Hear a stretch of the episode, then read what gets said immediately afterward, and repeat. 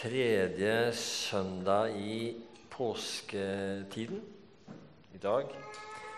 Og så er det jo da også 1. mai, som vi alle vet. Arbeidernes dag. Eh, og arbeidere, det er vi jo alle sammen, må vi kunne si. Mer eller mindre. Eh, sånn at 1. mai egentlig er et eh, felleseie for oss alle. Eh, så vet vi jo det at tradisjonelt så har det vært et litt sånn anstrengt forhold mellom kristenfolket og 1. mai-feiringa og arbeiderbevegelsen. Det husker jeg godt fra min egen oppvekst. Eh, de som flagga og pynta seg på denne dagen, det var enten Arbeiderpartifolk eller de hørte til på, på venstresida. Mens de som jobba i hagen og virkelig tok det ut der, det var enten høyrefolk eller så var de kristenfolk. Eller så var de begge deler. Det var liksom sånn vi fikk høre. Eh, ja, ja, sier jeg da. Det, antagelig var ikke verden fullt så enkel den gang heller, tror jeg. Eh, og så er det sånn at spenningen mellom kristenfolket og arbeiderbevegelsen har blitt eh, hva skal vi si, mer normalisert eh, og mindre komplisert de seinere årene. Klart det, Vi er absolutt i stand til å både eh, se og, og, takke Gud og, og mennesker for så mye positivt som ligger i at arbeideres rettigheter har blitt fokusert, løfta opp. Skulle bare mangle. Klart vi er takknemlige for det. Og Samtidig så ser vi også at vi har noen betydelige kollisjonspunkter, da, for å si det sånn eh, som fortsatt er der. Men dere, det skal vi ikke ta nå. Det tar vi ved en annen sammenheng. I dag er det altså tredje søndag i påsketiden. Og vi lever virkelig i etterpåskens takk og glede. Og kjenner det. Eh, den frihet det håp vi har, og den omsorg Gud har vist og viser oss gjennom det Jesus gjorde, som vi har gleda oss over, takka for og feira og markert på så mange måter gjennom, påske, eh, gjennom påsken. Eh, omsorg for både troen og for det livet vi lever helt ned i hverdagslivet har det sine gode følger. Og så er vi definitivt i hverdagslivet i dagens eh, tekst. Dagens eh, evangelietekst. For den handler om, om, noe så fundamentalt for oss, som eh, Atle allerede har eh, vært inne på. Eh, noe så fundamentalt som brød og fisk. Begge deler er ganske grunnleggende når det gjelder det å Når vi snakker om mat for å leve, det vi må ha for å leve. Og så vet vi at det sannelig handler om så mye mer enn bare det. Vi skal lese teksten som står hos evangelisten Markus eh, denne gang. Det er fra Markus sitt sjette kapittel, og det vi begynner fra vers 30, og vi leser Jesu navn. Apostlene samlet seg igjen hos Jesus og fortalte ham om alt det de hadde gjort, og alt de hadde lært folket. Og han sa til dem, 'Kom med meg til et øde sted hvor vi kan være alene, og hvil dere litt.' For det var så mange som kom og gikk at de ikke fikk tid til å spise engang. Så dro de ut med båten til et øde sted for å være alene. Men mange så at de dro bort, og kjente dem igjen, og fra alle byene strømmet folk sammen til fots og nådde, dem, nådde fram før dem. Da Jesus gikk i land, fikk han se en mengde mennesker. Han fikk inderlig medfølelse med dem, for de var som sauer uten gjeter. Og han ga seg til å undervise dem om mange ting. Det var nå blitt sent på dagen, og disiplene kom til ham og sa:" Stedet er øde, det er alt blitt sent. Send dem fra deg, så de kan dra til gårdene og landsbyene her omkring og kjøpe mat. Men Jesus svarte, Dere skal gi dem mat. De sa, Skal vi kanskje gå og kjøpe brød for 200 denarer, så de kan få spise? Eh, hvor mange brød har dere? spurte han. Gå og se etter. Da de hadde gjort det, sa de, Fem brød og to fisker. Og så sa han at de skulle la alle danne matlag og sette seg i det grønne gresset. Og de slo seg ned, rekke ved rekke, noen på 100 og noen på 50. Så tok han de fem brødene og de to fiskene, løftet blikket mot himmelen og ba takkebønnen. Brøt brødene i stykker og ga til disiplene for at de skulle dele ut til folk. De to fiskene delte han også ut til alle. Og alle spiste og ble mette.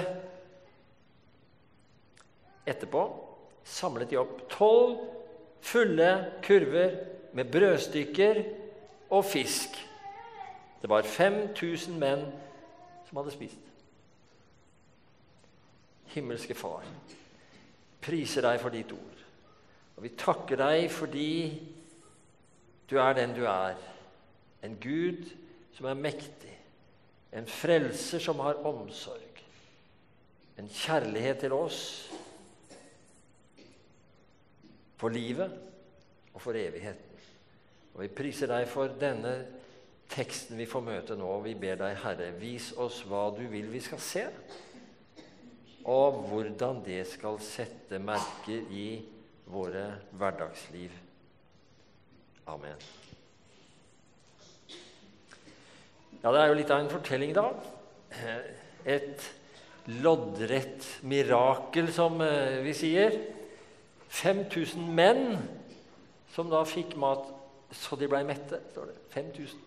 Det er ganske mange. Og hvis vi da eh, kanskje må gange med tre eller fire, fordi det var jo ikke alltid de regnet med kvinner og barn, og sannsynligvis så var de også der Eh, og da nærmer vi oss altså halvparten av det folketallet som eh, er her i Skien, f.eks., så vidt jeg veit.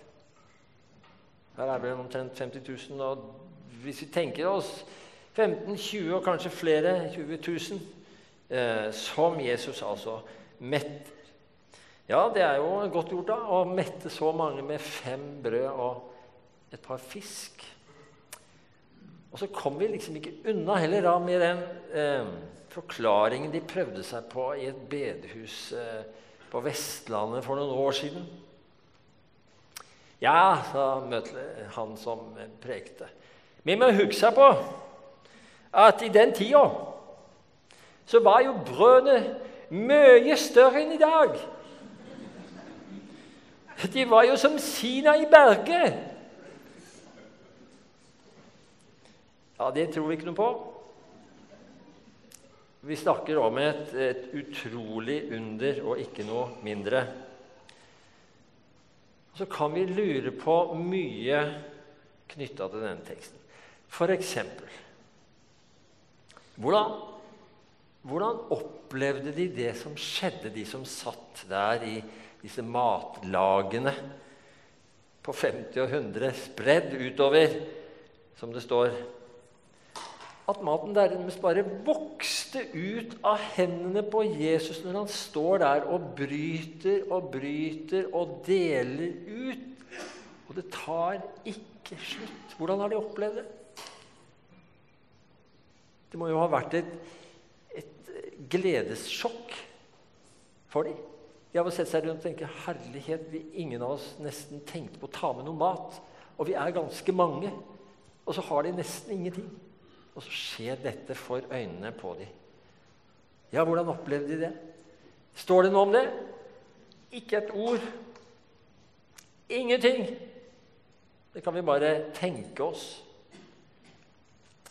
For ikke å si når de begynner å samle inn restene. Og samler inn og samler inn og samler inn så mye at det blir jo mye mer enn det var i utgangspunktet og i starten. Kjære vene, hva er det som skjer her? står det ingenting om hvordan de reagerte på det. Eller an, noen av de andre tingene det er eh, fint å tenke på og undre seg litt over. Eh, den kommentaren i starten med at disiplene hadde så travelt med å ta imot folk at de hadde ikke tid til å spise engang. Ut fra at ikke det var en sånn permanent problem. De måtte spise iblant. Men da var det travelt. Så de hadde ikke tid til å spise. Det er jo så flott at det er tatt med, ikke minst eh, at det det la Jesus merke til, og det syns han ikke noe om. Eh, det likte han ikke. Eh, og så sier han altså nå, nå drar vi på landet, dere. Nå, nå, går vi til et annet sted, til et roligere sted, så dere får hvilt litt. Nå tar vi en retreat. Det er jo det han sier. Det er jo så bra at det er tatt med at Jesus den kommentaren fra Jesus og den omsorgen som ligger i at dette Midt i undervisningen hans, midt i alt det andre han gjør, så ser han den situasjonen og har en egen omsorg for dette og sier dere må ikke bare arbeide, dere husk, dere må hvile også. Og så gjør han noe med det. Og så ble jo det riktignok rimelig mislykka retreat, så langt vi kan skjønne.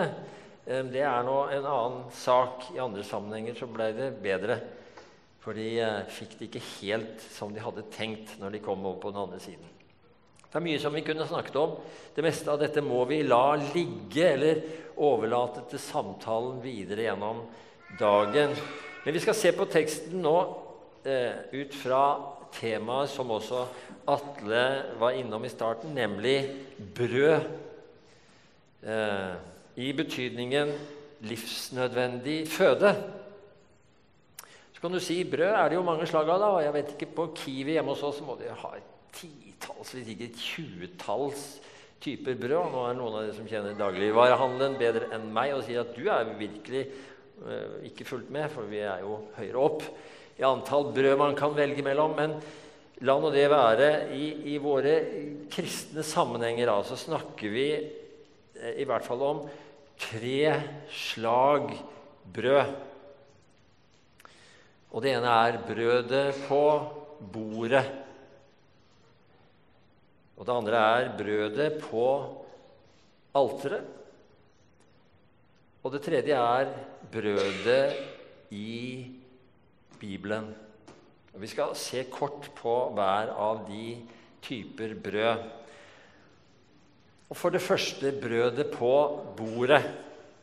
Det fysiske brødet vi handler og spiser. Det er jo ingen tvil av at Gud Vi har en Gud som virkelig har omsorg for oss, også når det gjelder det daglige brødet. Vi lurer ikke på det, og vi vet det av kunnskap og erfaring. Hele Bibelen lyser av den omsorgen. Tenk bare på israelittene i ørkenen. Det ufattelige under de opplevde med, med manna og med vaktler. Et matunder uten like. Og like mye som Jesus elsker oss og har omsorg for oss helt fram til det som handler om brød og mat og livet ellers. Like mye skal det ligge oss på hjertet å ha omsorg for at også andre har brød. Andre har mat. For vi skal elske vår neste som oss selv sier Gud. Det er en grunnleggende side ved den kristne tro å bry seg om andres behov. Ha omsorg for andres nød. Det har Jesus lært oss. Så tydelig som det bare er mulig. Av og til så er det sånn at vi må vekkes opp og liksom minnes på det og gjort oppmerksom på det enda en gang, enda vi vet det så godt. Dette er et ansvar, en oppgave, en utfordring Gud har gitt oss. Og så er det bare sånn at det er så mye hjerteskjærende nød omkring oss. Én ting er eh, Ukraina.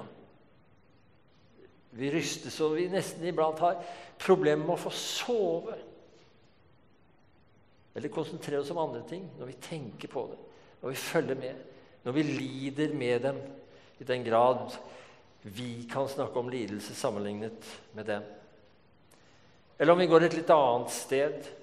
Akkurat nå, langs ekvatorbeltet i Afrika, så, så er det nå en, en voldsom eh, tørke- og, og sultkatastrofe eh, som rammer mange land. Somalia, Etiopia, Mauritania, Burkina Faso er det Mange land langs ekvatorbeltet. Nå snakker vi bare om Afrika. Det er faktisk snakk om mange millioner som ikke har nok mat. Nå sier Redd Barna i, akkurat nå i disse dager at bare i Somalia så, så er det nærmere en halv million barn som står i fare for å dø av sult før sommeren hvis de ikke får nødhjelp raskt. Det er hjerteskjærende. Vi tar det innover oss, vi tenker på det, og vi lider med de, og det er fortvila. Og tørke Kanskje er det altså av menneskeskapte klimaendringer. Det vet vi ikke. Sjansen for det er absolutt til stede. Det er i hvert fall ikke Guds skyld og han å skylde på. Kanskje har det noe med fordeling å gjøre. Kanskje har det noe med griskhet å gjøre hos nasjonene, hos mange av de. Kanskje har det noe med rettferd å gjøre i det hele tatt. Det ondes, og for ikke å si den ondes, virkelighet i verden blir så tydelig for oss når vi opplever og hører om dette. Og så spør vi Klart vi gjør det. Hvorfor gjør ikke Gud noe? Hvordan kan han se på at hans kjære barn lider så ubeskrivelig?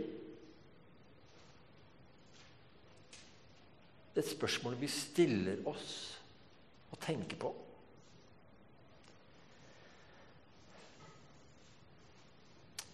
Det fullgode svar på det, det har vi ennå ikke. Men mens vi venter på det, mens vi venter på det, så har vi en gjerning å gjøre, nemlig den gjerning disiplene gjorde. Og hva gjorde de? Jo, de brakte brødet og nøden til Jesus. Det skal vi også gjøre. Først vårt daglige brød, så Herren kan velsigne det. Jeg vil si at det er et av de flotteste hadde nær sagt, adelsmerkene vi eh, kristne har. Det er å, å, å, be for maten, å synge for maten og takke for maten. Det er så utrolig mange flotte bordvers. Eh, så langt flere enn bare en liten fugl, altså. Eh, som, som, vi kan lære, ikke minst de, de små. Eh, barna bare elsker jo disse versene som de knapt skjønner. En vakker dag så skal de skjønne litt mer av det. Og ikke minst så gjør vi det som disiplene gjorde da de var ferdige. Samler sammen restene. Egentlig så må det være sånn at det er tabu for oss. Det er, det er, det er nesten helligbrødet for oss å kaste mat som, som fortsatt kan spises. Jeg tror det For de fleste av oss så er det sånn. Det gjør vi ikke. Altså I en verden som rystes av, av sult og, og hungersnød. Da må i hvert fall vi troens folk være gode og tydelige og sterke eksempler på det motsatte av, av sløsing. Og jeg vil si at I dag så er det utrolig mange som er så oppfinnsomme i, i det som handler om eh, nær sagt, gjenbruk av mat. Å bruke det som er, å bruke det til det er slutt. Og det er mange av de unge som går foran, og det er så flott og så bra. Og så er det selvfølgelig sånn at vi bare iblant må kaste matrester som er blitt ødelagt. Livet er sånn. Hverdagslivet er sånn. Det vet vi bare. Eh, men ansvaret som Gud legger på oss for nøden, gjør at det skal sitte langt inne å kaste mat. Og I tillegg så er det vårt ansvar også å gi og dele av vår rikdom og velstand, og den er ikke liten. Også til det som handler om bistand og nødhjelp og kamp mot sult i så mange sammenhenger. Og når vi blir minnet på det og utfordra på det. Og så er det faktisk også sånn at ofte er jo det eh, det å gi til misjon Eh, jeg hadde nær sagt, det beste alternativet da hjelper vi jo som regel eh, både de som trenger bistand, utvikling, nød og nødhjelp, og ikke minst de som trenger åndelig Der hvor den åndelige nøden er stor. Så I misjonens sammenheng så får vi sånn sett både i pose og sekk. Fordi Gud gjennom dette arbeidet har omsorg for det hele mennesket, hverdagslivet og det evige livet. Og Det fører oss over på det andre punktet, nemlig brødet på alteret. Ved nattverdbordet så får vi altså et lite innkjevetta, som de sier på Vestlandet. Innkjevetta lite brødstykke som nesten ikke er nevneverdig engang, og noen dråper vin. Og vi blir så visst ikke mette i det hele tatt. Det gjør vi ikke. Men samtidig er det så utrolig at noe så lite kan gi så mye. Syndenes forlatelse, liv, salighet får vi i nattverd. Ufattelige gaver. Det største vi kan ta imot. Så styrker Gud oss ikke minst i håpet om en gang, en dag, å få ta del i, samles til den store gledesfest som Gud forbereder for oss i himmelen så er nattverden sånn sett bare en liten forsmak som sier oss at en gang, en gang så skal det bli nok mat, nok drikke til alle. Også til alle disse fra Somalia og Etiopia, alle verdens tørkeramma og sultherja land. Det er et håp også for dem, hvor utrolig det enn kan høres. Det skal skje? Er det rart vi hungrer etter nattverden så ofte vi kan? Brødet fra Gud, brødet fra himmelen, styrkemåltidet, minnemåltidet, som vi trenger for å holde livet friskt. Og til sist brødet i Bibelen. Bibelselskapet hadde for eh, noen år siden eh, en, en fin, liten brosjyre Dere så den kanskje, dere, Noen av dere har kanskje sett den? En, en brosjyre hvor bildet på forsida viste en bibel som lå på et bord. Og På hver side av Bibelen så lå det en kniv og en gaffel. Og bak Bibelen så lå det en, en skje. Det var et veldig flott og veldig talende bilde. Det så ut som det var noen som satt der og skulle ha Bibelen både til middag og til dessert.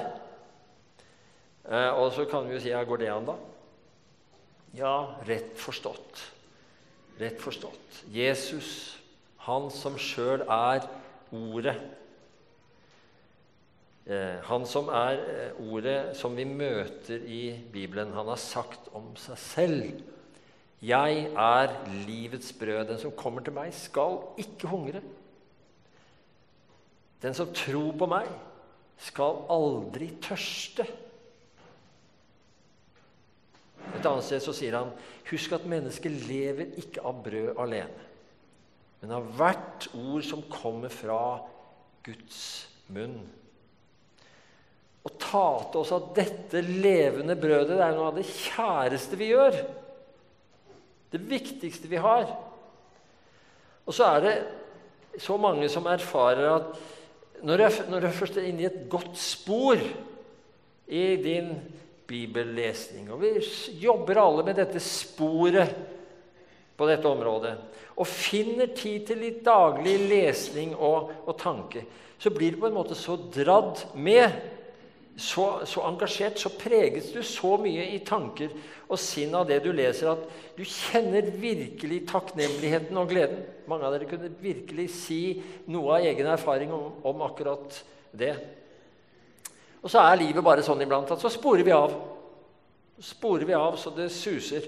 Og så er det lov og takk også sånn at så hjelper Jesus oss opp igjen og vi fortsetter ufortrødent enda en gang. Til takk og velsignelse for oss sjøl og for andre, og til ære for Gud. Så brødet på bordet, brødet i nattværen,